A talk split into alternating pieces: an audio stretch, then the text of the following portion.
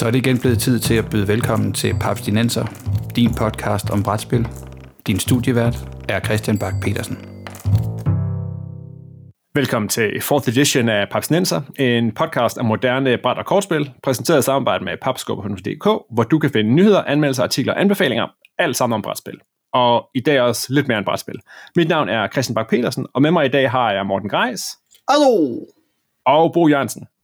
Hallo Christian. Vi skal i den her episode træde lidt væk fra øh, brætspillene øh, og snakke om Dungeons Dragons, hvilket jo både øh, Morten og Christian og Bo godt kan snakke om i timevis, også hvis det skulle være. Øh, Morten gør det lidt i forvejen, måske ikke specifikt Dungeons Dragons, men der er, blevet, øh, der er blevet optaget en del om rollespil, og skrevet en del om rollespil øh, hen over de seneste år. Ja, både på din egen blog, Morten, og over på, på Lænestols rollespil. Jeps, lige præcis. Yes. Vi skal snakke om det helt klassiske af de her rollespil, Dungeons Dragons, og deres, og nu har jeg nye ejere, det er måske så meget sagt, men nyere ejere, der også øh, udgiver en hel del brætspil. For de er nemlig kommet i en uh, voldsom modvind her i, uh, i starten af 2023 uh, over en foreslået opdateret licensaftale. Lyder det udramatisk? Ah, det er det bestemt ikke. Men inden vi ruller initiativ og kaster os over D&D, så skal vi snakke brætspil. Vi skal snakke brætspilsfestival, og vi skal ikke mindst snakke Papstinensers episode nummer 200. Wow. Vi, er nemlig, vi er nemlig kun et par episoder fra et, øh, et kæmpe, kæmpe jubilæum. Så tillykke til Papstinenser. Godt gået. Lige om lidt, så er det 200 episoder, plus det løse. Yay! Ja, løse, ja. Præcis. Der var den der, den notoriske episode 0, og det kan også være, der er... Altså, der er nogle andre, der har altså, snedet sig ind, så ja, lad være til efter. Det, trust us, det er nummer 200. trust us, præcis. Ja, og der er tidsrejser involveret også. Det forvirrer altså også. Det er rigtigt. Puha, det var, det var crazy. Det var en crazy weekend fra om to år. Nå, men vi er parate til at sende øh, episode øh, 200, og den går, på, øh, går i luften fredag den 3. marts 2023, hvilket falder sammen med den weekend, hvor Aarhus Brætspilsfestival åbner op. Og så tænkte vi, hvorfor ikke fejre jubilæet sammen med en masse andre brætspillere, og det var holdet på bag Aarhus Brætspilsfestival heldigvis med på. Så, fredag den 3. marts 2023, der kan man møde os, papsnenser, på Aarhus Brætspilsfestival. Man kan drikke et glas bobler, man kan være med i en konkurrence, man kan måske tilrette sig et eksklusivt papsnenser krus. Uh. Og generelt, så vil vi jo gerne snakke brætspil, og vi vil gerne snakke podcast. Så kom endelig forbi. Og når vi er blevet træt af kun at snakke om brætspil, så vil vi også vildt gerne spille nogle brætspil øh, med jer lyttere, som er på festivalen. Så øh, sving forbi, hils, hyg igennem.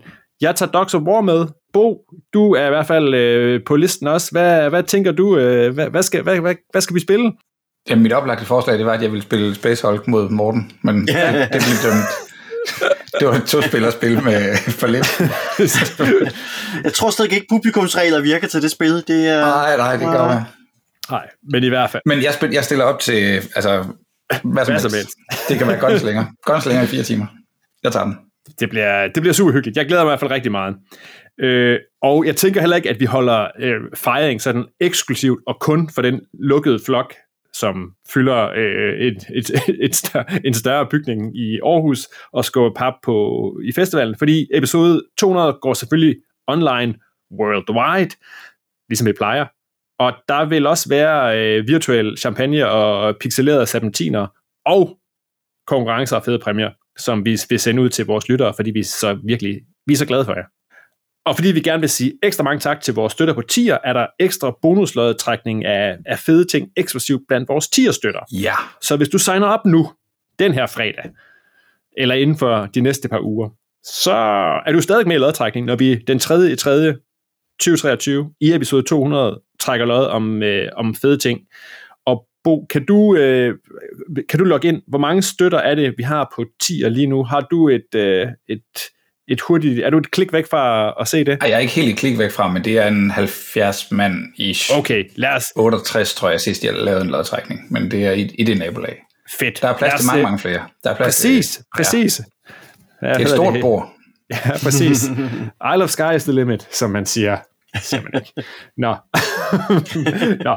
Vi glæder os i hvert fald rigtig meget til jubilæum, og vi glæder os til uh, en skøn pappet fredag på uh, Aarhus Brætspilsfestival. Så kom forbi, men ellers, så skal vi som øh, lovet i dag snakke øh, Dungeons Dragons. D og D, som det jo efterhånden bare altid er forkortet ned til.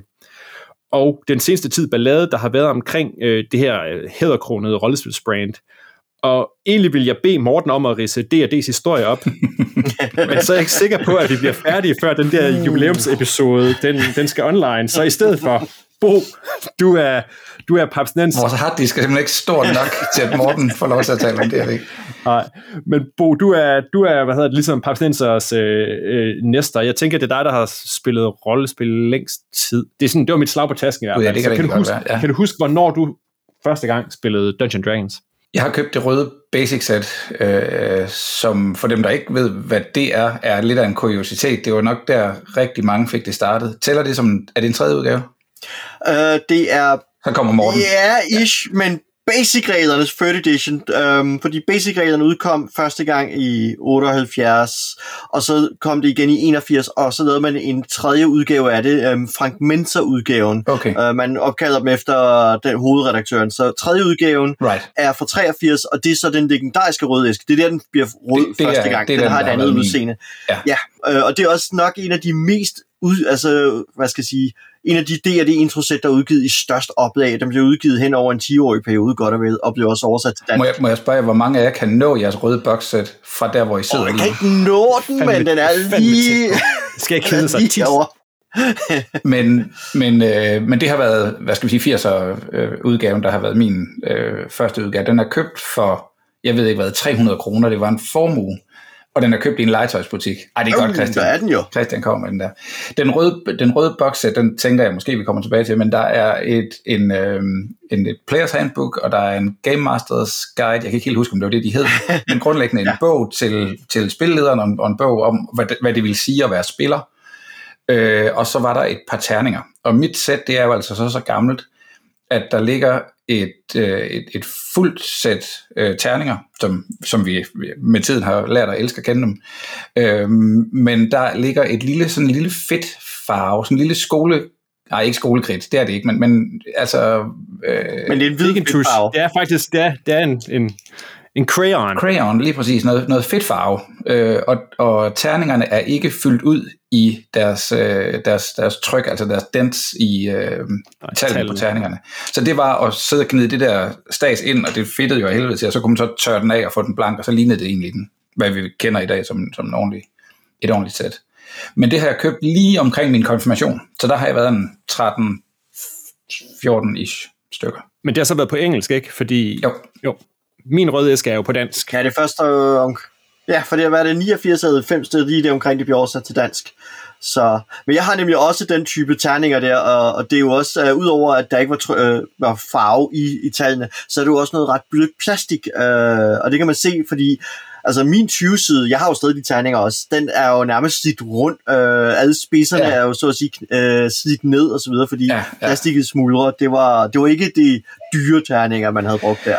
Men altså, når vi nu er ved den historie, så kan jeg huske, at jeg har, jeg har hørt om det. Det var nogle, nogle, en, en skolekammerats øh, store brødre, og, og det var den alder, altså når man er 12 eller 13, så ser man lidt op til øh, altså de andre store brødre, de seje. Jeg havde ikke selv nogen store brødre, men de, de spillede det, og det var lidt mystisk, og det var lidt kreativt, og det var lidt, mm, og man skulle også kunne lidt det der engelsk øh, halløj. Og jeg kan huske, at det var så mange penge for mig, at jeg skulle købe dem for min egen lommepenge. Det var, det var dyrt. Så jeg har, du ved, ville være sikker på, eller jeg ville have kunne prøve at sætte mig ind i, hvad det var. Og jeg har en øh, lysende erindring om at stå i en legetøjsbutik i Fredericia og læse, altså de havde jo nok et eksemplar, der har været, man kunne få lov til at bladre i, stå og prøve at læse den der solo tur ned og møde Rust Monster i, i den første dungeon, og stå og prøve at bladre det igennem, sådan uden at ekspedienten skulle synes, at jeg var sådan helt kriminel. Altså. Og så godt har mit engelsk måske heller ikke været, så det var sådan en, hvor jeg var tilbage over flere gange, og sådan lige ud og gå en tur i byen, og så kunne man komme tilbage og tage det næste rum og sådan noget. Øh, nok ikke noget med at stå og slå med terninger, men, men det, det gav sådan lidt en, en fornemmelse af, hvad det her det var, man var på vej ind i. Ah, fedt. Ja. Ja. Men jeg, jeg tror, at den, den røde æske havde de faktisk på, på skolebiblioteket, på øh, altså en dansk udgave, øh, hvor min mor så også arbejdede. Så, så nogle gange så Ah, ja. fik jeg lov til at låne den med hjem, og så kan jeg huske, at der var en periode, hvor så en gang imellem, så stod der nogle andre storebrødre, så dukkede de op i weekenden og stod og bankede på hjemme hos os, fordi de skulle faktisk bruge den der dem? æske. Altså, så mange Dungeons Dragons æsker var der altså ikke i omløb i Assens nede på Vestfyn. Så stod de der, om de eventuelt lige kunne få lov til at låne den der æske, fordi da de havde været nede i fredags på skolebiblioteket, der havde den ikke været der. Og nu skulle de altså bruge den. Så, øh, så øh, Søren og Bo og Thomas og sådan noget, de, øh, som var lige de der to år ældre end mig, og var dem, der, der Det var dem, du ikke turde sige nej til. Præcis, de fik det med. Så øh, det er... Så Og jeg har lige det- åbnet mit nu, det er jo... Øj, det emmer. Det emmer af skoletid, det her. Ja, fordi som sagt, der er øh, mange øh, øh, orker er løbet under broen, øh, siden øh, Bo og Morten og Christian, de, øh, de åbnede øh, mensersættet, som ja, udkom i 83, og på dansk i 88 eller 89. For i 2000, ikke, der kom det, som jo, hvad hedder det, i folkemunde hedder, oh, Bo, han, Bo han, sidder, han sidder og flasher. Alt, alt, det, alt, alt the good stuff. Nå, Det er sådan nogle inserts, der ligger i, de har garanteret aldrig været op. Man kan indsende en fax til et eller andet nummer i USA, det kunne være, jeg skulle prøve det. Åh, men altså, hvem vil ikke have et abonnement på Amazing Stories? Ja, præcis. Ja. Ja. Sorry, Christian, you were saying. Nej, ikke noget problem.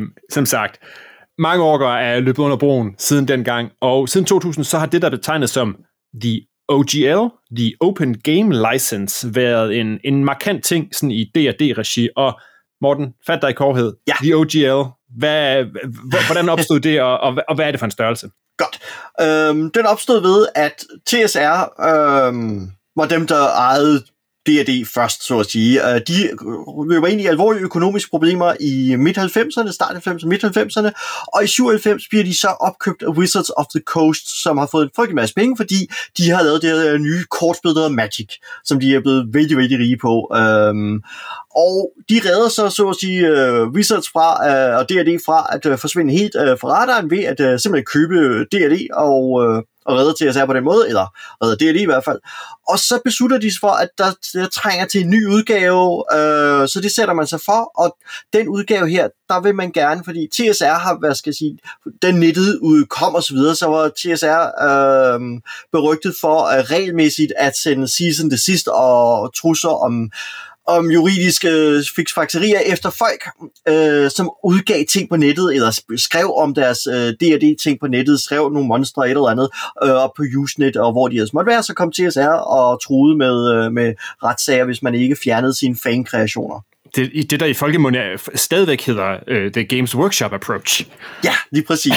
øh, og, øh, og det var TSR nemlig også ret fæle til at gøre, øhm, og der, der, der er noget længere forhistorie, som jeg ikke skal komme ind på så helt tilbage i 80'erne, med nogle af de ting, der muligvis har været anstiftende der tid, og muligvis også bare en ting om, at de ikke rigtig forstod fans og fans på internettet, fordi det var også gives minut der i slut 90'erne. Men så, summa summarum er, at man laver øh, i Wizards regi en, en ny udgave af D&D, hvor man så vælger en helt anden tilgang, hvor man siger, hvad nu hvis vi inviterer alle indenfor i varmen og prøver ligesom at gøre D&D til normen, til, til det, der er rollespil. Så når folk siger rollespil, så tænker de Dungeons and Dragons, og det, det er mere eller mindre det, der lykkes for dem. Fordi for de fleste så er rollespil synonym med Dungeons and Dragons, og Dungeons and Dragons er 80% af rollespilsmarkedet på godt og ondt. Og ideen var, at man simpelthen inviterede folk ind og sagde, I må gerne bruge vores system, I må gerne udgive det, I må gerne tjene penge på det, og så videre. I skal selvfølgelig anerkende det vores regler og arbejde med inden for de rammer. Og det er så det, den her Open Game License øh, tillader. Fordi regler øh, kan ikke som sådan ikke copyrightes. Man, kan copy, øh, man har rettighed, sådan en kreativ rettighed til specifikke formuleringer, øh, specifikke verdenselementer eller fiktionselementer osv., men øh, alle kan skrive deres egen rollespilsregler, og det er også det, vi kan se ved computerspilsbranchen, fordi alle bruger experience points i deres øh, World of Warcraft-lignende spil osv., og hvis TSR eller Wizards virkelig kunne slå ned og holde på deres rettigheder, så vil ingen kunne bruge øh, et fænomen som experience points, fordi det er noget Dungeons and Dragons har opfundet. Så man, så, hvor man, så man kan ikke holde fast i specifikke elementer, men man, kan, man har sin verden, og man har specifikke udtryk inden for den verden, øh, og så videre, øh, specifikke monstre, specifikke trylleformularer og så videre, som man har rettighederne til, og kan fastholde uanset regelsystemet. Så det, man har givet folk lov til, det er i virkeligheden at skrive inden for D&D-kontekst, bruge D&D's verdener, øh, trylleformularer osv., det som D&D sætter i spil, og siger, det må I gerne arbejde med at referere til, så I ikke skal opfinde nye formularer, nye monstre, nye, nye regler, hver gang I laver noget rødspilsprodukt. Vi laver en baseline, som alle må arbejde inden for, og vi laver en licens, der gælder til evig tid. Uh, den er perpetual uh, på engelsk, men den har så ifølge og det er noget af det, Fix Facts Henrik går på, den er ikke irrevocable, den er ikke uigenkaldelig til synligheden. Øh, og det er så der, hvor juristerne kommer i spil, fordi... Den er det uendelig, indtil andet bliver, indtil andet bliver sagt. Jamen, den, den, er, den, er, den, er ved, den har jo ikke nogen solnedgangsklausul. Det er ikke noget med, at den siger, at det gælder de næste Nej. 30 år eller noget. Ikke? Altså, den, det er det, jeg ved, at den er vedvarende. Øh, men spørgsmålet er så, om den er uigenkaldelig, og intentionen var, at den skulle være uigenkaldelig. Fordi det, man så som sagt givet folk lov til, det var at, at skrive løs og udgive inden for det. Wizards indså så også, at der var visse problemer ved det. Øh, først og fremmest, var intentionen at sige, men vi kan ikke dække alle nicher af Dungeons Dragons. Det var noget af det, TSR døde på. Det var, at de skulle både have en, en postapokalyptisk verden, som Dark Sun, de skulle have en Dungeons Dragons i rummet, det var Spelljammer, de skulle have en horror uh, Dungeons Dragons, der skulle være så meget. Ravenloft. Ja. Der skulle være så meget. Problemet var, at det var de samme fans, der købte tingene, og fans, der har kun så mange penge, så man, man hvad skal jeg sige, så man ruinerede sig selv ved simpelthen, at, at fansene ikke kunne nå at købe alle TSR-produkter, som tankegang var, at... Det der må jeg lige, må jeg lige indskyde, det der, må jeg, det, det der i nørdkredse hedder, og stadigvæk hedder Palladium-modellen. det er meget, nu kommer der lige en niche fra gamle dage. Yes øh, så for at undgå at kannibalisere sine egne øh, fans, så var det, man sagde, jamen så lader vi andre dække nogle af nicherne, vi ikke har råd til, eller, ikke, eller som det er ufornuftige dække til, så D&D får en meget bred vifte. Øhm, problemet var så lidt i starten af nullerne, at nogle af de andre forlag faktisk lavede federe og flottere udgivelser end Wizards selv. Og en måde, man så kunne komme rundt om det på, var så, at man så i 2003 reviderede DRD til DRD 3.5, men nåede så, at det var, ville være bagudkompatibelt. Så man sagde, bare roligt, det fungerer bagud, øhm, der er ikke nogen problemer der. Vi laver bare lige nogle nye flotte regelbøger, og da de så udkom, så viste det sig, at de var ikke var bagudkompatible, og alle skulle have de nye DRD-regler, og det vil sige, så øh, forældede man øh, og gjorde, hvad skal jeg sige, alle DRD-konkurrenters produkter på det tidspunkt øh, ubrugelige, så at sige. Og så, de var bagud, ja. ja. og så relancerede man det med nye flotte udgivelser, og så er de faktisk højt en ret flot øh, produktlinje lige siden. Altså, bøgernes kvalitet har været væsentligt flottere, altså produktmæssigt, med glittet papir, farveprint, og jeg ved ikke hvad. Så, så man kan sige, noget kom der ud af det. Ja. Men kan man ikke også, altså det der med, at øh, at, at de forsøgte at, at, at, at ramme ud i, så vidt jeg husker fra mine, mine 3.0 øh, og 3,5 dage, så var der jo rigtig mange af de her øh, spil, som jo stadigvæk også lagde op til, så stod der, du skal egentlig bare have, du skal stadigvæk helst have en players handbook. Ja. Fordi vi har ikke givet at skrive alle de der spells, som har været skrevet en gang. Præcis. Så du skal stadigvæk bruge vores grundbog, eller ja. det var i hvert fald mange folk, der indså, altså det var nemmere at sige, i har alligevel grundbogen, nu køber I det fede setting til, eller I køber alle de ekstra formularer og den slags til. Så lige altså man kan præcis. sige, de holdt på en eller anden måde, de holdt jo stadig produktet sådan ja, relevant. Lige præcis. Det, det gjorde de nemlig. Altså det, det folk, øh, grundbøgerne forblev relevante, og, og det snedige var et eller andet sted også, at man kunne fastholde en større fanbase på den måde, fordi de skulle alle sammen have en at have grundbøgerne, men de kunne så finde nogle nicher, der tiltrak dem, og det var nemmere et eller andet sted, at mange forlag gjorde jo så også det i nullerne, at de jo simpelthen udgav D&D-varianter af deres egne rollespil, det vil sige, det er den måde, at vi har en Call of Cthulhu Dungeons Dragons, uh, øh, baseret på Dungeons Dragons. Vi har en Delta Green baseret Fading Suns Vampire the Masquerade. Nej, den kom ikke. Det var GURPS, de lavede den på i stedet for. Øhm, men, men mange, fordi så kunne de på den måde ligesom få en del af det, eller hvad skal jeg sige, øh, Start på et højere niveau, ikke? Altså. Ja, øh, og det til, altså for forlagene tillod det at dykke ind i en eksisterende fanbase, og for fanbasen tillod dem at lære nye verdener at kende, uden at skulle sætte sig ned og lære et nyt regelsystem. Ja. Øhm, så, så man kunne være lidt doven, så at sige det. Og man kan sige, jamen sådan deroppe igennem nullerne, så kastede det jo også vanvittigt mange bøger af sig, ikke? Ja. Og nogle af dem var super flotte og super lækre. Jeg kan huske, min spilgruppe, vi var med til at spilteste en, som jeg simpelthen ikke kan huske. Jeg skal nok lige øh, lede op, som var sådan noget lidt steampunk noget, hvor de har fået, så var sådan lidt Warhammer-vibe. Iron Kingdoms? Øh, hvor de både... Nej, nej, det var ikke det. Det var lidt mere nichet men som vi var på noget blevet hooket op, eller vores Game Master var blevet hooket op, og så sad vi og kørte spiltestet det frem og tilbage, og det var ganske episk, og det er nogle super flotte bøger. Men jeg tror altså ikke, altså på en eller anden måde, så blev det også sådan lidt, uh, hed, hed det sådan lidt uh, splatbook flood, fordi der kom så meget, ikke? Fordi alle ville Jo. med på D&D-bølgen, ikke? Og når man sidder sådan og kigger ned over sådan brugt ting, så er der jo virkelig også virkelig mange med ikke lidt taglige ting, og ting, der lapper ind over det ene og det andet, ikke? Altså, det er jo ikke, det var virkelig ikke alt, der var godt, der kom, vel? Mm. Fordi noget også bare var udgivet. Christian, i den her forbindelse, det er rollespilsbøger. Ja. Altså, det er ikke skønlitterære bøger i et D&D-univers. Det er kompendier, altså. Ja, og, men det, som det, du sagde, Morten, ikke? Altså, jeg tænker, folk fik ikke lov til at lege med Dragonlance og Forgotten Realms, vel? Nej. De fik lov til at opfinde deres eget, ikke? Du måtte ikke skrive for Forgotten Realms og lignende. Ja, øh, det man så valgte i sted- stedet for at gøre, var jo, at man gav visse af verdenerne i licens til andre forlag. Det vil sige, Margaret Weiss Ja. fik for eksempel Dragonlance i Dragonlance, licens. Ja. Uh, White Wolf, eller deres aftager, fik uh, Ravenloft-sætningen uh, i, i licens. Ja. Så, så man udliciterede visse dele til, til andre forlag. Dungeon, uh, man havde jo også to rollespils tidsskrifter. Man havde Dragon Magazine og Dungeon Magazine, og dem gav man jo til forlaget Paizo, som jo havde licens til at køre de to tidsskrifter. Dem har vi hørt om ja. siden. Så skete der noget. Præcis. Yep. Ja. Nå, men lad os komme lidt videre, fordi Jeps. siden den første Open Game License der og revideringen, ikke, så er D&D gået igennem flere versioner. Ikke? Ja. ja. som du nævnte, 3.0, hvor, som var der, hvor de stoppede med at, at, hedde, øh, at, at skille mellem Dungeon Dragons og Advanced Dungeon Dragons. Yep. Øh, det blev tweaked til 3.5, som så blev erstattet af 4th Edition i Ja. 2014, som Ej, 2008. er det, er det rigtigt? Ja. I, og som så i 2014 blev erstattet Yes. af 5th Edition, ikke? som ja. er den udgave, mange spiller i dag, blandt andet min Mhm. mm. ældste søn, han er med i op til flere øh, 5th Edition-kampagner, og det, som der sker lige nu. Yes. Men så er det.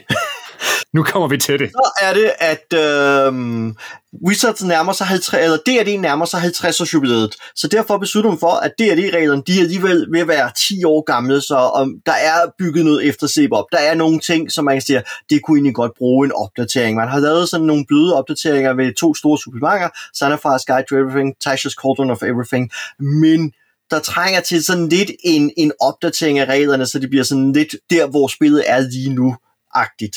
Uh, så man begynder at planlægge en ny udgave, uh, som jo så kommer til at hedde, uh, får arbejdstitlen One D&D, hvor det før hed, uh, ligesom femte udgaven havde arbejdstitlen D&D Next. Um, så begyndte man på det uh, i, for, med, i optakten til 50 års jubilæet med løfter om, at det skulle være bagudkompatibelt. Så sker der... ja, og det håber jeg stadig, det er, men nu, øh, nu sker der jo mærkelige ting. Fordi noget af det, der så sker, er jo så, at øh, der kommer en ny ledelse til. Øh, Hasbros øh, division for at stå for at udvikle D&D får ny ledelse øh, midt i det her, sådan, hvor man begynder at tænke på 50 års jubilæumsudgaven og en opdatering osv. Og de indser, jamen, vi skal tjene nogle flere penge på D&D. Vi tjener, øh, altså der er simpelthen ikke monetization nok, og de kommer så, øh, flere af dem kommer med erfaringer fra, fra computerspilsbranchen, og hvordan man monetiser inden for den. Så derfor beslutter de sig for, at øh, det skal også gøres her. Det, der er sket i mellemtiden, det er øh, mellem, øh, i løbet af D&D 4th Edition, øh, fra D&D 4th Edition udkom til D&D 5th Edition, er, at det at spille D&D på nettet er blevet meget nemmere. Altså man kan man kan mødes på Skype, eller hvad man nu har lyst til, men der er også specifikke platforme til det. En af dem er yderst succesfuld, det er den, der hedder D&D Beyond. Den bliver så købt af Wizards, uh, så de ejer øh, uh, D&D Beyond, og deri, der kan man, der, nemlig, når man har abonnement derpå, så får man adgang til en dice roller, et system for at mødes med de andre spillere, øh, for at lave karakterer. Man kan så købe bøgerne, D&D-bøgerne i digital form, inde på platformen, og der er et månedligt abonnement på 5 dollars, og jeg har ikke selv abonnement, så jeg ved ikke helt præcis, hvordan det fungerer. Men man indser så, at hvis man nu følger lidt computerspilsbranchen, så det man vil gøre er, at man vil indhegne alle D&D-spillerne og holde dem alle sammen på den her platform, og det gør, at så skal man have lukket ligesom alt andet ud, så man ligesom har en, en privilegeret statusplatform, og den skal så koste 30 dollars om måneden. Du vil få adgang til terningskins, så dine terninger ser seje ud, karakterskabelse, adgang til bøger og platforme, og køre adskillige kampagner og ting og sager. Øhm, til gengæld skal vi jo så have luet ud i alt folks hjemmelavede rollespil, og vi skal have af med third party og så videre, fordi det kommer lidt i vejen for, at man ligesom kan lukke af. Så man begynder jo at opsige licenser. Det er derfor for eksempel, at det danske øh, Dungeons Dragons er udgået.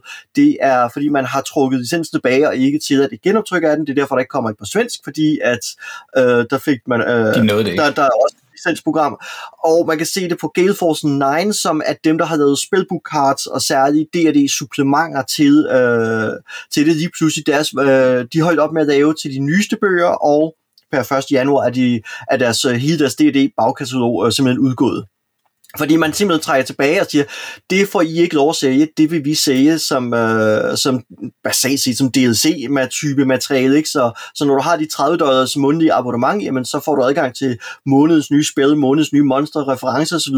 Så, øh, så man vil ligesom skære en masse forlag og mellemmænd og butikker ud og ligesom lave den her platform, hvor man får pengene direkte, fordi man har set, jamen på D&D Beyond, der kan vi måle og veje antallet af spillere, vi har med at gøre, fordi rollespil lider under at have enorme skyggetal. Ja. Vi ved ikke, hvor mange der spiller rollespil, fordi man kan ikke måle det på, hvor mange D&D-bøger, der bliver solgt. Man kan ikke måle det på, hvor mange Vampire, Masquerade eller Call of Cthulhu-bøger, fordi nogen køber rigtig mange bøger, nogen køber ingen bøger, man spiller med i fem grupper osv. Man kan ikke måle, hvor mange spiller egentlig D&D, men du kan se, hvor mange der har abonnement, eller er inde under et gruppeabonnement osv. Så man ser, her er noget, vi kan måle på, her er noget, vi kan suge penge ud på. Så derfor så laver man, øh, starter man øh, der i løbet af sidste år med at lave det her projekt, og så er det, at man i december og det er så her, hvor ting begynder at spidse til, så kontakter en række third-party publishers og siger, i har nogle meget succesfulde ting. Vi laver nu et nyt system, som lukker ned for alle, der laver third-party ting, eller hvad skal jeg sige, stiller så strenge regler op for det her, at de har ikke lyst til at gøre det. Men I får en sweet deal, hvis I siger ja her og nu. Så man vred basalt set arm om på dem og sagde, I har bare at skrive under på det her, eller også så ryger I ud i kulden med alle de andre. Øh, det sker i december, og de dokumenter, øh, og det er så den øh, det, kaldes, at Wizard kalder deres UGL draft. Øh, det her dokument bliver så lækket, og det er så et dokument, der basalt set siger, at hvis du tjener over 760.000 dollars om året, så tager de 25% af dine indtægter øh, over 750.000, og, og der kommer sådan alle mulige andre ting om, at de vil få adgang til at kunne overtage din, den IP, så hvis du laver en fed verden, nogle fede monster, så kan de tage kontrollen med det, de har lov til at ændre den her sådan, uh, licens med 30 dages varsel, og, og altså der kommer sådan en lang række ting, som gør, at for, for folk, der lever af, og der er mange, der lever af det her, så bliver det nærmest nogle uspiselige forhold at øh, arbejde inden under det her, sådan, øh, den her licens her. Ja, som den er skrevet, ikke? I, i hvert fald i udkastet. Ikke? Ja. ja. Og det kan være, at vi, her, skal vi, her skal vi nævne, ikke, at, at det er jo altså, det er ikke bare bogudgiver og sådan noget. Ikke? Mm. Det er jo også for eksempel øh, øh, folk, der streamer det. Ikke? Altså ja. Critical Role for eksempel. Critical Role er, er, er, er, de helt store, ikke? som er blevet mm. kæmpe store. Ikke? De tjener jo ja. millioner af dollars. Ikke? Ja og er, er jo sådan blevet, er jo blevet sådan rollespil superstjerner. Lige præcis. Baseret på, på, på, på, simpelthen på, på YouTube streams, ikke? Ja. Der, og, og det er nemlig det, de griber sådan ind i, det er det ret vidtrækkende, hvad de griber ind i, medmindre du har nogle aftaler, og, og så er der så et enkelt sted, hvor man så kan komme lidt udenom det ved at sige, jamen hvis du streamer noget, men ikke tager entré for det, så at sige, så kan det muligvis godt stadig gå an og så videre. Men, uh, men altså, udgangspunktet er, er ret drakonisk, så at sige. Øh, Uh, og det er så det, der får folk i, i vildt røre. Og så er det jo, at Wizards gør det næste trick er ikke at sige et ord i en uges tid. Uh, fuldstændig radiotavshed. Um, og så er det, at, at ting begynder... Måske sådan, går det over. måske går det over. Måske er det bare... Uh, og så er det, at uh, de, altså, de prøver at bygge noget op, men af, altså, de har der en, en regelmæssig streaming, hvor de snakker om nyheder osv. Den bliver sådan i sidste uh, time uh, annulleret. Uh, de trækker ting tilbage, kommer med en undskyldning, som er sådan en passivt aggressiv undskyldning, uh, hvor... hvor ja. Det er det der, det der med, altså, okay, jeg der var sur, I vandt, men, men, men vi vandt også lidt. Ja. for for vi, vi, vi blev klogere her. Ja. Og nu, nu, nu forstår vi hinanden meget bedre, og kan I nu... ed, men jeg skal lige forstå, Morten, du siger, at den er ude i draft. At, at, ja. Er der overhovedet chance for, at det her det går hen og bliver hvad skal vi sige, færdiggjort i den udgave, det ligger der nu, eller, eller har det her skabt så meget røre i andendammen? Det er jo så det. Altså, det skaber meget røre i andendammen. Blandt andet mere end 40.000, eller så mere end 60.000 mennesker har opsagt deres D&D Beyond abonnement, for eksempel. Øhm, og de er også gået i gang med at diskutere at boykotte den kommende D&D-film. Øhm, øh, så faktisk ikke mere end i optagende stund, Bo, Øh, så er det vist en 6 timer siden, de kom med deres seneste udlæg om... Øh, øh, sådan at nu lover vi bod og bedring, vi laver en ny en, vi annoncerer her om to dage, og så kommer der sådan en 14-dages periode, hvor I kan komme øh, kommentarer, indsigelser og så videre. Øhm, en høring? Ja, der, der er simpelthen en høring på den. Øhm, men, men lige nu kender vi den i, tag, altså, i, ja, i optagende stund kender vi ikke indholdet af det. Men det er så, ja. sådan er det at være frisk med, ja. med det nyeste. Så, ja. så det, det, er, det, altså, det er simpelthen noget, der næsten dag for dag øh, ændrer sig med sådan lækkede dokumenter. Okay, men det vil sige, vi kan roligt regne med, at når folk lytter til den her episode, så er det long gone. Ja. Så er det, så er det nyt, nyt, nyt, nyt. Ja, lige ja. præcis. Uh, okay. Så er vi forældet allerede der, ja. ja. Så, uh, så nej, det er, det er vældig spændende, fordi det kommer til, at altså, det har jo nogle fuldstændig uforudsete konsekvenser, det her. Øhm, også nogle sjove nogle. For eksempel kan man se, at Wizards har en deres egen officielle Wizard øh, hjemmeside for Dungeons Dragons, og så har de deres D&D Beyond-side. Øh, hjemmesiden for Dungeons Dragons har ikke haft nogen opdateringer siden december. Øh, de er nu udelukkende kommunikeret gennem deres D&D Beyond portal øh, eller hjemmeside. Så det er der, man skal se nyheder nu. Øhm, ikke længere på Wizards egen hjemmeside. Øh, hvilket så, eller nej, på D&D's egen hjemmeside. Hvilket er interessant er sådan at sige noget om, jamen, vi vil faktisk bare have den her portal her, og I skal altså have et abonnement, hvis I vil spille D&D. Hvis I ikke har et abonnement, så må I ikke spille D&D. Altså, det, det er lidt det, de prøver på lige nu. Øhm, og man kan jo se det i det. Også det kuriøse faktum, at der er cirka tre uger til den næste D&D-bog kommer. Det er en genudgivelse af den allerførste bog, Journey of Dragons, uh, en ny revideret udgave. Um, der er intet på deres hjemmeside om dens bog på vej. Om halvanden måned kommer den første, uh, den årets nye D&D-bog, uh, og det plejer at være en stor ting. De har endnu ikke frigivet artwork for bogen, det vil sige, der er ingen, for, uh, ingen ingen, der aner, hvordan bogen ser ud. Uh, alle bruger placeholder-billeder. Der er intet på deres hjemmeside om den, så, så det er sådan lidt sjovt, at wow. lige nu har de dukket så meget ned, så de ikke engang har nyheder om deres egne udgivelser, som kommer om en, ja, cirka en måned til... Meget snart. Skal vi se, ja, det, det er over en måned til, øh, til den, en helt ny bog, ikke? Og man står sådan et, hold da op. Men den øh, nye direktion holder statusmøde øh, hver anden fredag, så øh, ja, det lyder da helt sindssygt. Men måske er det, at, måske er det også, at det, tænker vi ikke, at det lidt er en af tingene, ikke? Det der med, at, at noget, der gik fra at være noget, der foregik ud fra en kælder i Lake Geneva, og så voksede og voksede, og blev større ja. og større, ikke? Og så først, så bliver de opkøbt af Wizards, der var kæmpe store. Og så nu er Wizards, de er jo så røget under Hasbro yep. paraplyen. Og Hasbro, der er måske ikke så meget øh, kærlighed til, øh, til Bos øh, slitte gamle D20, vel? At mm. der er vi rykket op i et, i et, et niveau, yeah. hvor, yeah. hvor, der, hvor dem, der sidder og kigger, de kigger mest, de kigger Excel-ark, og ikke så meget på øh, Larry Elmore-art. Ja, altså det der er jo nok, altså noget af det, der nok er med til at ske, er at man prøver at skifte D&D fra at være et spil til at være et lifestyle brand. Ja. Det er også det, vi ser mængden af merchandise der på vej, og mængden af t-shirts og ting og sager, også i forbindelse med en kommende D&D-film, at der er rigtig meget merchandise på vej, uh, der bruger ting fra det. Så, så det, der er sådan en indikation af, at ja, man... man har taget den support for givet, at selvfølgelig har vi den platform at, at skyde alt det her af fra.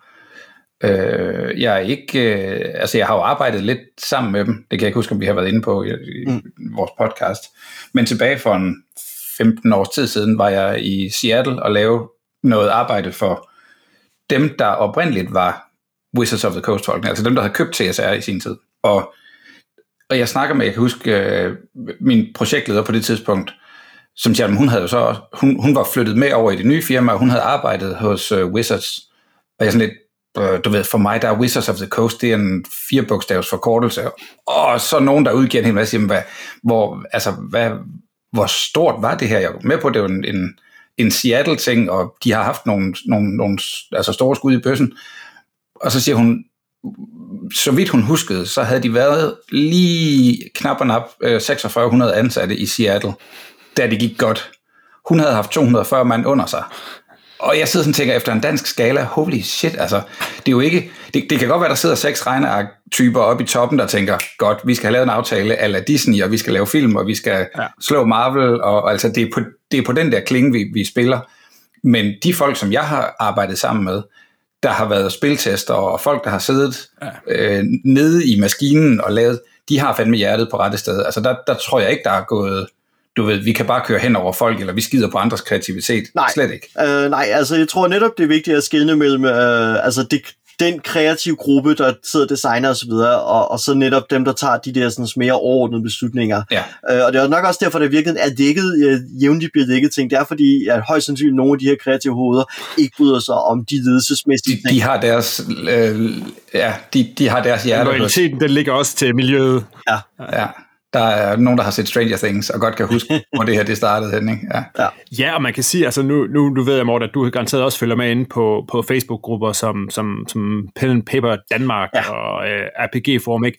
Der, altså, det er jo virkelig noget, der har sat alting. Mm. Også, også herhjemme, ikke? Som, hvor man tænker, det her det er, det er langt væk fra alting, ikke? Men, men, men det er vildt så meget, det har sat sindene i kodet, ikke? At, at noget, som jo egentlig grundlæggende påvirker jo ikke de bøger, du sidder med, og de terninger, du ruller, når du sidder og spiller Dungeons Dragons med dine venner hjemme. Men alligevel så, folk er jo virkelig, ja. virkelig blevet engageret i det. Men hvor, prøv at sætte nogle flere ord på, Christian. Hvor, hvorfor er det, jeg kan godt måske selv komme med et bud, men i din optik, hvad er det, der rammer folk der? Jamen, jeg tror, jeg, altså, puha, det er svært at sige, også fordi jeg, jeg bare overhovedet ikke føler mig ramt, fordi det er så lang tid siden, jeg har spillet Dungeons Dragons.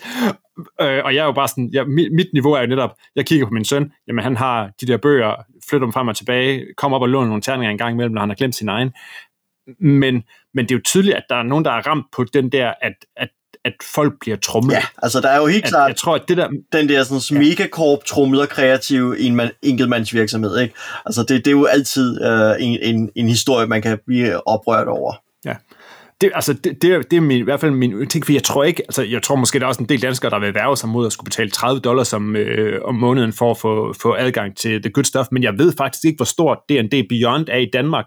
Altså, jeg, jeg har da set folk, der snakkede om at opsige deres abonnement og sådan noget, ikke? Men, mm. men ja, nu er vi igen tilbage til mørketal. Mit, mit bud er, at de fleste, der spiller Dungeon Dragons, eller de stadigvæk sidder med en, en Dungeon Master's Guide rundt om et bord sammen med deres venner, at, at, at, at det der online ting, det er måske ikke helt så stort i Danmark, som, som det er i USA, og sådan procentmæssigt i forhold til antal rollespillere. Men har coronaen ikke skubbet til det? Jeg synes, der var... Altså, coronaen har helt klart fået flere til at spille over nettet, men ja. i Danmark for eksempel tror jeg, at mange tror jeg, uh, at mange er vendt tilbage til at sidde og møde fysisk. Ja, Men det har fået etableret nogle online-grupper, der ikke før fandtes. Og i USA er det endnu, uh, endnu mere en ting uh, stadigvæk. At Afstanden er større. Ja, ikke? ja, lige præcis. Så der er så mange flere brugere af at sidde online og spille. Og så synes jeg også, det er tydeligt, at det, at, at, at hvad hedder det, at, at nogen inden for et så trods alt lille miljø, at der er nogen, som folk føler opfører sig dårligt på en eller anden måde, ikke? Det jo tydeligt også sætter, sætter nogle ringe i vandet, ikke? og det har jo, det, det kan også det, jeg kan opleve fra, fra de folk, jeg følger i udlandet, ikke? det er, at pludselig så, så, så rallyer folk om alt det andet, ikke? Altså, folk, folk begynder virkelig at snakke, ja, vi nævnte før Paizo, ikke? Som jo ja. i hælene på, på den der Open Game License endte med at lave Pathfinder, som jo, i, i, altså jeg, jeg forestiller mig, at, at der var perioder under 4th edition, hvor Pathfinder var og måske op og bide, bide det i haserne i forhold til antal ja. reelle spillere. Pathfinder var... Pathfinder var større, ikke? Pathfinder var en periode større end D&D uh, ja. under 4th edition, fordi 4th edition var så upopulært. Ja. Uh, og det besynderlige var, at 4th edition var jo et forsøg på uh, fra det kreative hold at få en bedre position inde hos Hasbro, fordi Hasbro havde lagt deres struktur om med, uh, hvem der blev prioriteret og ikke prioriteret. Hvis man ikke tjente så, så mange penge til, til Hasbro, så røg man ligesom i den nedre liga, og de ville godt op i den højere liga, så de prøvede at lægge det om. Og så prøvede de at sige, hvad nu hvis vi etablerer en online online-portal, så man kan lave sine karakterer og alt muligt online. Uh, og det, det var faktisk deres første forsøg på at lave det her sådan system her. Det fungerede bare, øh, det blev aldrig realiseret under D&D 4th edition, men det skete så uh, af fans jo med VTT og uh, altså Virtual Tabletop og med D&D Beyond og så videre, ikke? Um, så ja. så meget, uh, ja, bare lige for at så en krølle på hende med den der D&D Beyond, at der faktisk er nogle for, forhistorier til den også der. Ja. At det er ikke første gang Wizards forsøger det her. Nej. Men hvad tænker du, på? Hvorfor, hvorfor, hvorfor er du rasende over det her? altså, jeg, jeg spillede, sidst jeg spillede D&D var uh, 4th edition, og, og det, det havde langt mere karakter af at spille brætspil.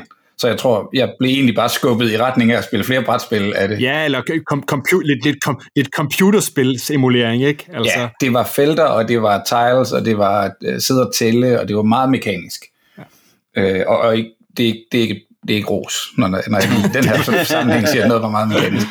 Ja. Øhm, men jeg tror da, at vi, vi som synes, vi har en kreativ gnist i os, øh, værdsætter, at vi kan skrive og gøre det, vi har lyst til, og der skal ikke komme nogen, der har startet med at give os en, en blyant, og så sige, nu skriver du bare alt det, du har lyst med den, og så bagefter komme og sige, hey, by the way, det du skrev der, det var faktisk mega sejt, og fuck folk, de kunne lide det. Ja. Er du ikke sød at give mig noget af det, for ellers så, altså, ja, Mm. Ja. Og, og det ved jeg godt, det er nok ikke det, der står i den der øh, OGL-ting direkte. Det er jo ikke, fordi der kommer nogen og banker på hjemme i din kælder og siger, jeg, altså jeg tror, at de fleste af os ville være fint tilfreds, hvis I kunne tjene op til 750.000 dollars på vores rollespils øh, øh, altså, øh, publiceringer. Jeg, jeg har ikke nogen, så det kommer ikke til at ske. Men hvis jeg skrev en historie, og den blev populær osv., så, videre, øh, så synes jeg, der er en meget fin grænse på, hvornår, og, og, og egentlig en vildt spændende diskussion om, hvornår er det, du låner øh, nogle andres verden, du bor lidt i, som Morten har ridset op for os. Det er faktisk ret smart, at vi har, lad os kalde det noget så tåbeligt som en standard, men at vi ikke skal til at starte med at forklare alting forfra. Jeg kan godt huske, start 90'erne, hvor der var et GURPS, og der var et Middle Earth, og der var et Rollmaster, og der var et Palladium, og der var en... Altså, uanset hvad du vil, jeg kunne godt tænke mig at fortælle en lidt anden historie, jamen så skal du bare finde et andet system. Og så skal du ud og købe nye bøger, og så skal du have folk, der gider at sætte dig ind i det. Så jeg synes, at, at det og det på den måde virkelig, virkelig, virkelig har løftet, at vi kan være nørder, uden at skulle starte med at komme med en ordbog. For hvad, hvad er det nu, vi snakker om her? Ikke? Øh, der er så mange ting, der er blevet... Ja, det er blevet sådan lidt gold standard på en eller anden måde, ikke? Ja, øh, og, og det synes jeg et eller andet sted fuldstændig hatten af for det.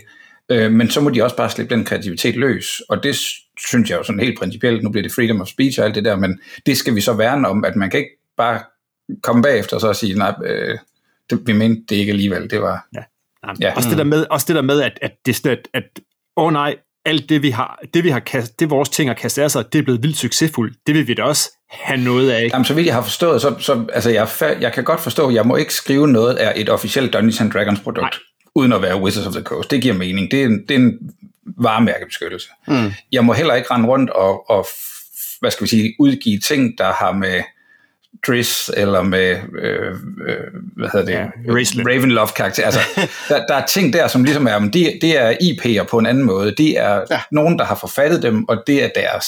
Der skal man have en licens. Ja, men det er jo heller ikke, øh, men den del var jo heller aldrig truet, også fordi de jo har en, øh, en ekstra platform, Nej, som hedder Dungeon Master Guild, som tillader det faktisk at skrive øh, D&D-produkter, øh, officielle D&D-produkter øh, hvor du så til gengæld, hvad skal jeg sige, du indgår en lidt skarpere aftale med, hvad, hvad du får for det, eller hvad, øh, altså, eller rettere, hvor stor en procentdel en del af cuttet Wizards tager, øh, det er så så meget, og så må du ikke udgive det andre steder, ind på D&D Skills. Men det er en, det er en ansøgning, ja. og en, en, altså det er officielt nok, ikke? Ja. Jo, jo, den er officiel, og den er heller ikke påvirket af UGL. Nej. Det er alle dem, som udgiver øh, D&D-produkter uden for, for ja, Wizards' indhegning, så at sige, ja. som er kommet i søgelyset. Og selvom de jo netop var, intentionen var jo netop, at man ville skabe det her miljø, og, og det her miljøs succes, blandt andet sådan noget som Critical Role, har været med til i virkeligheden at puste liv i det og det i et omfang, som man kan det ud, før. så man slet ikke ja. kan forstå det, altså, ja. ja. Men jeg synes jo må, måske lærdommen, og det lyder helt øh, altså, øh, handelsskoleagtigt, det er 100 gange sjovere at eje en mindre andel af noget, der er gigantisk stort, end det er at sidde og, og knukramme et eller andet, der er blevet det halve værd. Ja. Punktum. Mm. Tænker vi ikke også, må ikke også, altså det, det, altså jeg forestiller mig, de, de vil nok stadigvæk gerne have folk indenfor og have nogle sygt dyre abonnementer. Men de kommer også til at, at, at reagere på, at der er røget 40 eller 60.000 af dem, der var der i forvejen. Ja. Fordi der, der, der skal jo alligevel der skal stampes noget goodwill op for at få dem tilbage, og få dem til at betale seks gange så meget om måneden. Ikke? Jo. Altså, jo, og det er noget der, hvor det begynder at blive spændende. Ikke? Altså, hvor er vi om et halvt år? Øh, er der en, en ny OGL-folk tager at stole på, eller er den tillid fuldstændig øh, brudt? Øh, har vi fået en ny underskov af D&D-lignende rødespil, som ikke er D&D, men falder uden for Wizards' rækkevidde? Er der kommet det her sådan, D&D Beyond, hvor øh, alle nye rollespillere bliver logget ind og til at betale 30 dollars om måneden i abonnement. Uh, det, det, er ret, øh, altså det, det er ret spændende at se, hvor vi er med det. Ikke? Rykker det, det i virkeligheden over og får sådan et skæld mellem at være dem, der dyrker det, det som lifestyle brand, der bare går i t-shirts og kasketter og har nøgleringene med terninger i, og dem, som sidder, sidder derhjemme og spiller sådan noget rollespil ved bordet. Ikke? Uh, altså får vi et split i D&D mellem at være et, et brand og være et, et spil, ikke? Det tror jeg ikke.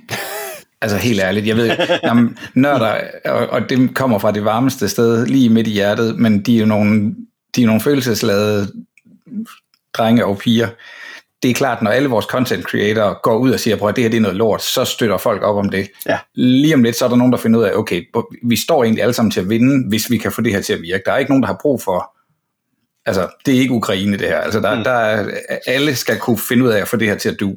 Så selvfølgelig, om ikke andet, money talks, så nogen kan godt finde ud af, at, at det giver ikke mening at ligge i åben krig med hinanden. Og lige så snart de content creator, de finder ud af, all right, det, det virker stadigvæk. Og jamen, nu må jeg pludselig tjene et eller andet andet, eller right, øh, det er ikke, jeg, jeg må ikke kalde det det her, men jeg må stadigvæk gerne tage mine entréer, fordi det er i virkeligheden original content. Jeg må ikke sidde og læse D&D supplementer op online og bare kalde det mit eget stream, og jeg er helt unik, og det skal I andre give mig penge for.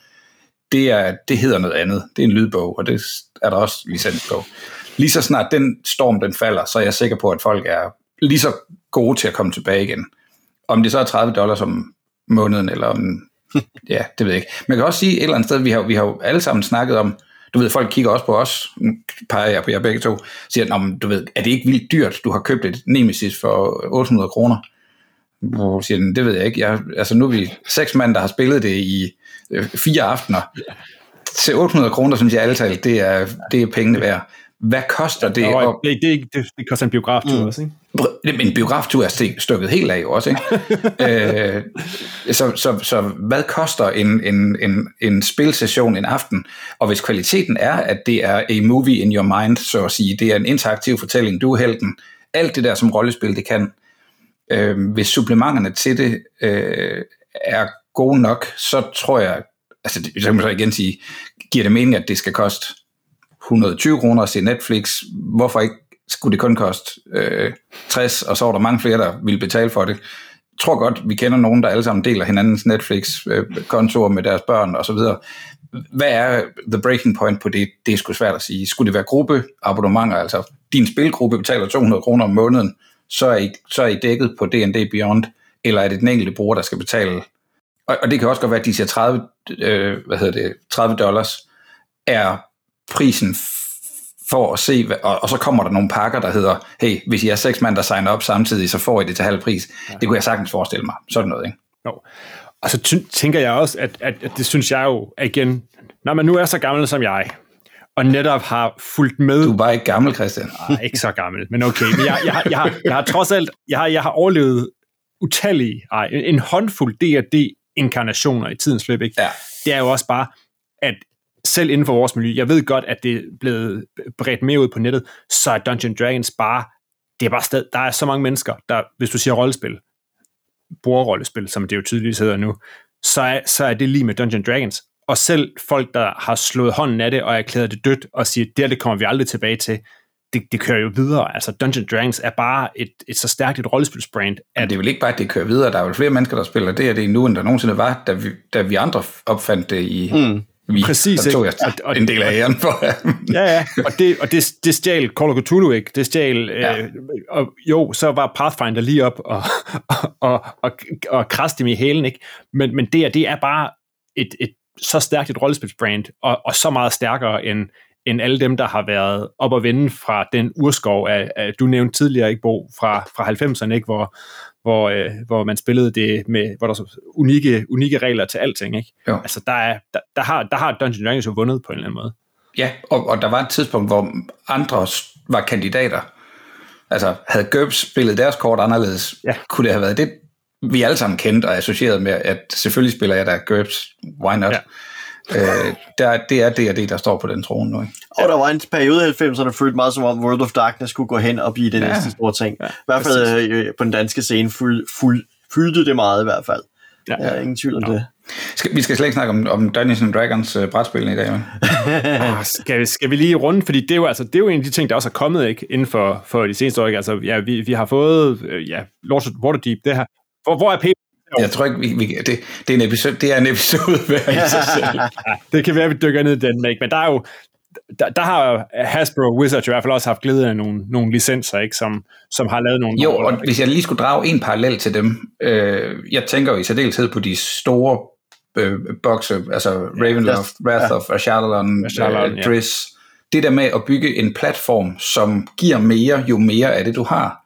Uh, Dungeon Command tror jeg var en, kompatibel med den serie også. Yep. Men, men Dungeons and Dragons spil, som krydser hinanden, at hvis du havde det ene og havde det andet, jamen hey, monsterne kan du bruge på tværs.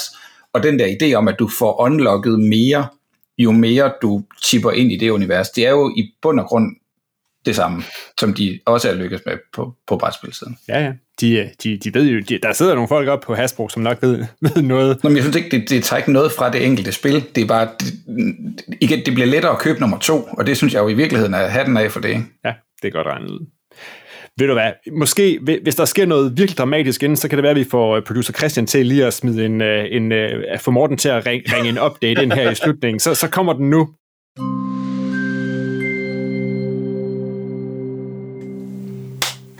Hej, så kommer jeg lige med et indspark til øh, vores samtale omkring D&D og så videre, fordi der er sket en del siden vi øh, foretog de første optagelser, og jeg har sådan gået og spekuleret over, hvad jeg skulle følge op med, fordi det her er en historie, der sådan har udviklet sig dag for dag.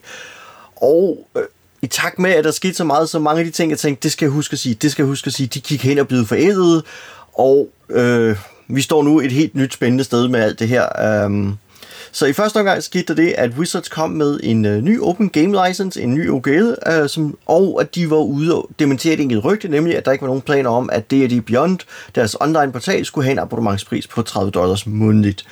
I midlertid kom der ret meget kritik af den nye OGL, fordi den havde en lang række mangler og uklarheder, og den lod mange tredjepartsproducenter usikre på deres rettigheder både nu og i fremtiden, med hvordan og vides må man referere tilbage til tidligere D&D-produkter fra Wizards, tidligere D&D-produkter fra andre tredjepartsproducenter, etc. Og den her tvivl, der lå og florerede omkring det her, var, kom forvejen ikke Wizards til gode, da forlaget i forvejen havde en, øh, har en kedelig forhistorie med brudte aftaler, blandt andet med øh, Margaret øh, Weisman og Tracy Hicks, forfatteren til Dragonlance-bøgerne, hvor de måtte indgå et forlig med forfatteren, fordi de ville bryde en aftale, og tilsvarende også med Gale Force 9, som, stod for, som har stået for udgivelsen af en lang række D&D-produkter, samt koordinering af oversættelsen af D&D til andre sprog, og der, der måtte Wizards også indgå et forlig. Det skete så for nogle år tilbage, men folk har ikke helt glemt de historier, og det betød, at den nye OGL ikke kom, øh, blev set i det bedste lys øh, af de mange tredjepartsproducenter, der var involveret i debatten omkring det her. Og øh, noget af det interessante ved den nye OGL var, at der også begyndte at tegne sig et mønster af, hvad det egentlig var, Wizards var på vej hen imod, og hvad det var, de gerne ville sikre sig muligheden for at kunne gøre, nemlig skabe film og tv-serier, og gøre D&D til et stadig større form for online-produkt, alene tilgængeligt via enten, via enten via D&D Beyond eller et nyt sådan virtual tabletop-format, som langt mere skulle ligne en form for World of Warcraft-spil, med, men med den forskel, at en af spillerne ville fungere som game master for de andre spillere, og det vil sige, at det var sådan en hybrid af noget online-spil og rollespil. Alt det blev midlertidigt gjort urelevant her den fredag den 27. hvor Wizards efter at have læst feedback til cirka fra 5, cirka 15.000 øh, tilbagemeldinger til deres online spørgeskema, så hvor konsensus var, at folk ikke ønskede nogen som helst ændring til OGL'en. Og så skete der simpelthen det, at det blev efterkommet. Wizards erklærede, at de ville lade den gamle OGL stå, og Ydermere så åbnede de for tilgang eller adgang til D&D-reglerne ved at gøre store dele af D&D 5th Edition underlagt af en Creative Commons license, så man på den måde nu enten kan arbejde med D&D uh, øh, inden for en OGL eller inden for en CC. Det er blevet set af mange som, at Wizards har givet efter forbrugerne ønsker, at man derudover er gået et skridt videre for at vinde goodwill tilbage. Og det betyder nu, at de mange, der har boykottet D&D over Wizards behandling af tredjepartsproducenter, nu er blevet stillet tilfredse, og det er jo selvfølgelig en meget rar ting. Øhm, men en sådan ændring efterlader selvfølgelig også fortsat spørgsmål om, hvad vil fremtiden bringe?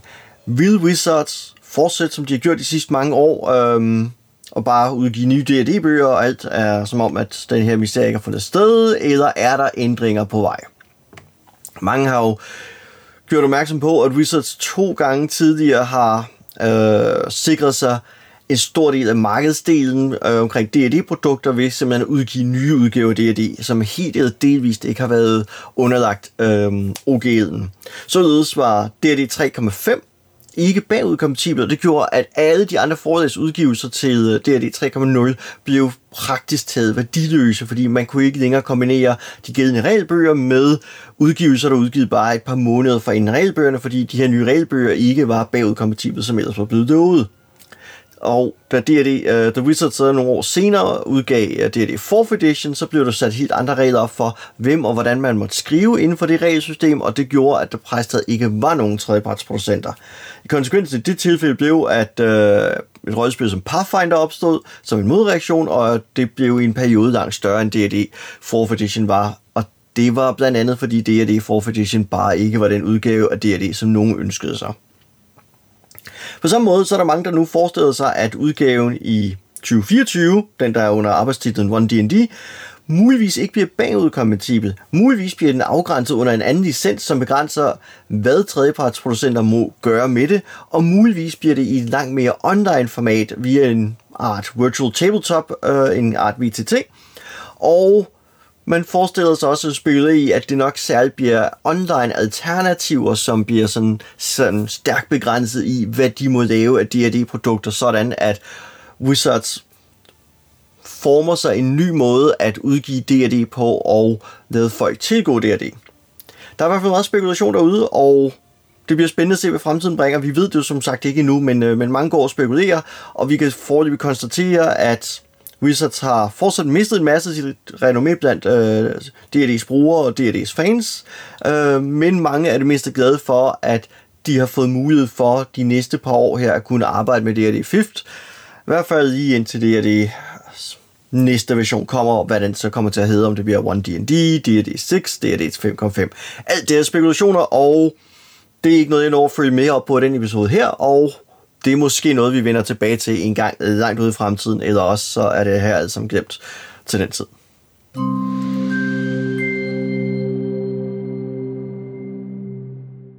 Og ellers så tænker jeg bare, at, øh, at vi er nået til enden den her lidt alternative episode af Papsnenser. Find links til øh, Dungeons Dragons og en masse andre ting, vi har snakket om i episoden, og tidligere episoder på papsnenser.dk eller papsko.dk-podcast. Husk, at du kan støtte Papsnenser på tier.dk, så er du med i lodtrækningen næste gang, vi udvælger en lytter, der kan vælge en bonusepisode, som er gratis for alle. Og som tidligere nævnt, særlig konkurrence i episode nummer 200, så sign up nu, tier.dk, der er et link i show notesene. Hver en krone for 10 bliver brugt til hosting, bedre optageudstyr og promotion af brætspil som hobby. Ja. Du kan finde Papsnenser på Apple Podcast, på Spotify, på Podimo, eller hvor du ellers henter din podcast, så er vi på YouTube. Med mig i studiet i dag var Morten Greis og Bo Jørgensen. Papsnenser er produceret af Bo Jørgensen, Christian Beckmann og Mike Ditlevsen. Mit navn er Christian Bak petersen og på vegne af Papsnenser ønsker jeg gode rollespil sessions til alle, lige meget hvilken edition I bruger.